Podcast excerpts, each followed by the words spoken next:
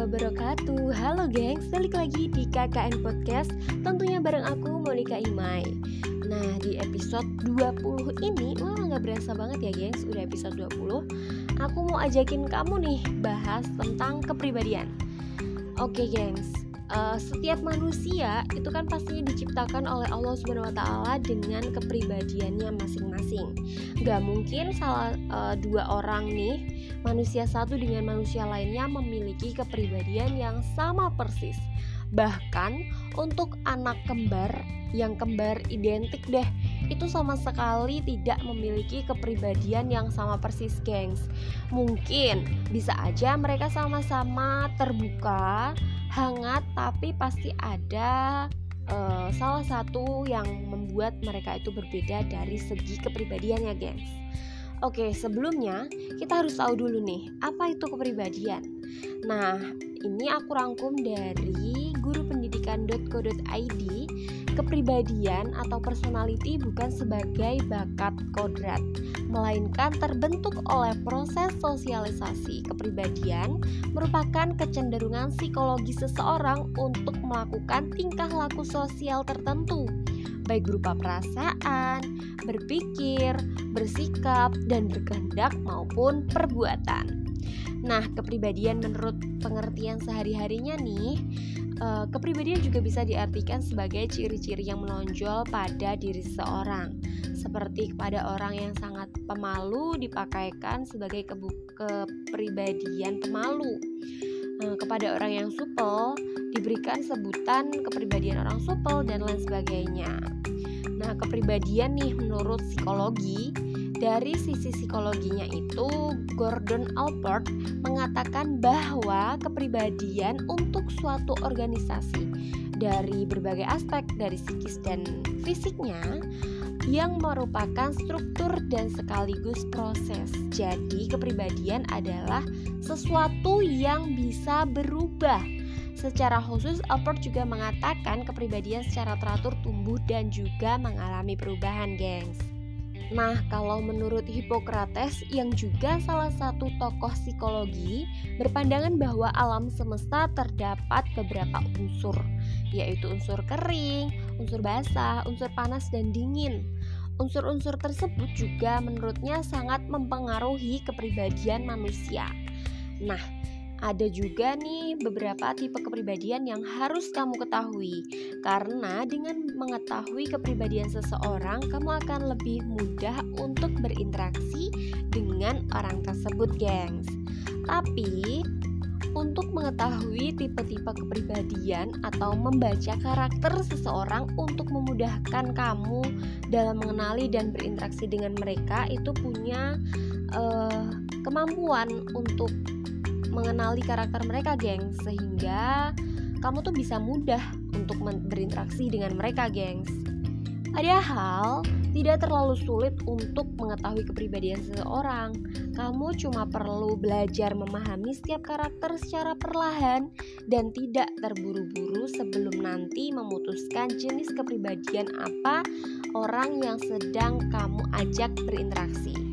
Nah, kurangkum dari kubisa.com jenis kepribadian itu ada empat gengs.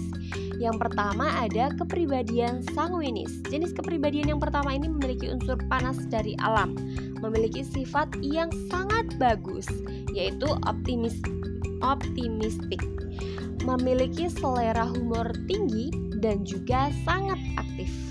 Orang-orang dengan kepribadian sanguinis ini termasuk orang yang mudah bersosialisasi dan mudah bergaul dengan siapa pun. Mereka memiliki sifat kepemimpinan yang baik berkat karakter kepribadian yang dominan, gengs.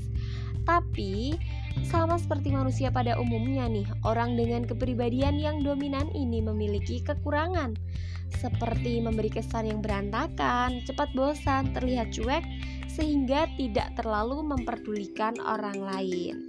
Meski begitu, kebanyakan orang sanguinis memiliki kreativitas tinggi sehingga wajar aja kalau mereka memiliki jiwa seni yang bisa mereka asah dengan sangat baik. Cocok nih berkarir sebagai seniman, juga sebagai artis atau berdiri di panggung hiburan berkat pembawaan mereka yang menyenangkan. beberapa jenis pekerjaan yang cocok untuk mereka juga banyak loh. Ini bersifat entertain, hiburan, kuliner, bahkan cocok menjadi traveler dan lain sebagainya. Yang kedua ada kepribadian koleris. Tipe kepribadian berikutnya adalah koleris, koleris. Aduh, belibet nih sampean. Kepribadian ini cukup menarik, gengs. Memiliki unsur kering sehingga sedikit bersifat emosional dan keras kepala. Sifat lain yang mendominasi antara lain memiliki kemampuan dalam berpikir secara logis, sehingga setiap keputusan yang diambil akan melalui proses pertimbangan yang matang. Kepribadian koleris cukup menjadi pemimpin karena kemampuannya yang mengambil keputusan dengan cermat memberi dampak positif dalam pekerjaan yang dijalani. Orang-orang dengan kepribadian koleris termasuk sebagai orang dengan kepribadian cermat dan memiliki fokus dalam bekerja, rasional, dan detail. Wajar sih kalau mereka uh, lebih banyak berkarir berkarir di bidang teknologi, pemrograman, teknik, akuntansi, dan hal-hal yang cukup rumit, gengs. Nah, yang selanjutnya yang ketiga ada kepribadian melankolis. Nah, melankolis ini memiliki sifat yang sensitif, tekun, dan juga serius, gengs. Mereka sering khawatir akan masa depan sehingga lambat dalam mengambil keputusan. Tapi ada sisi positifnya nih mereka memiliki jiwa sosial yang tinggi, sangat cinta pada keluarga, dan bagi mereka, keluarga adalah nomor satu.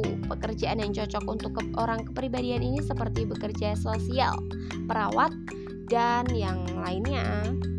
Nah, yang keempat ada kepribadian plekmatis. Arti dari kepribadian plekmatis adalah sifat yang santai, ramah, antusias, dan teratur dan penuh dengan ketenangan, gengs.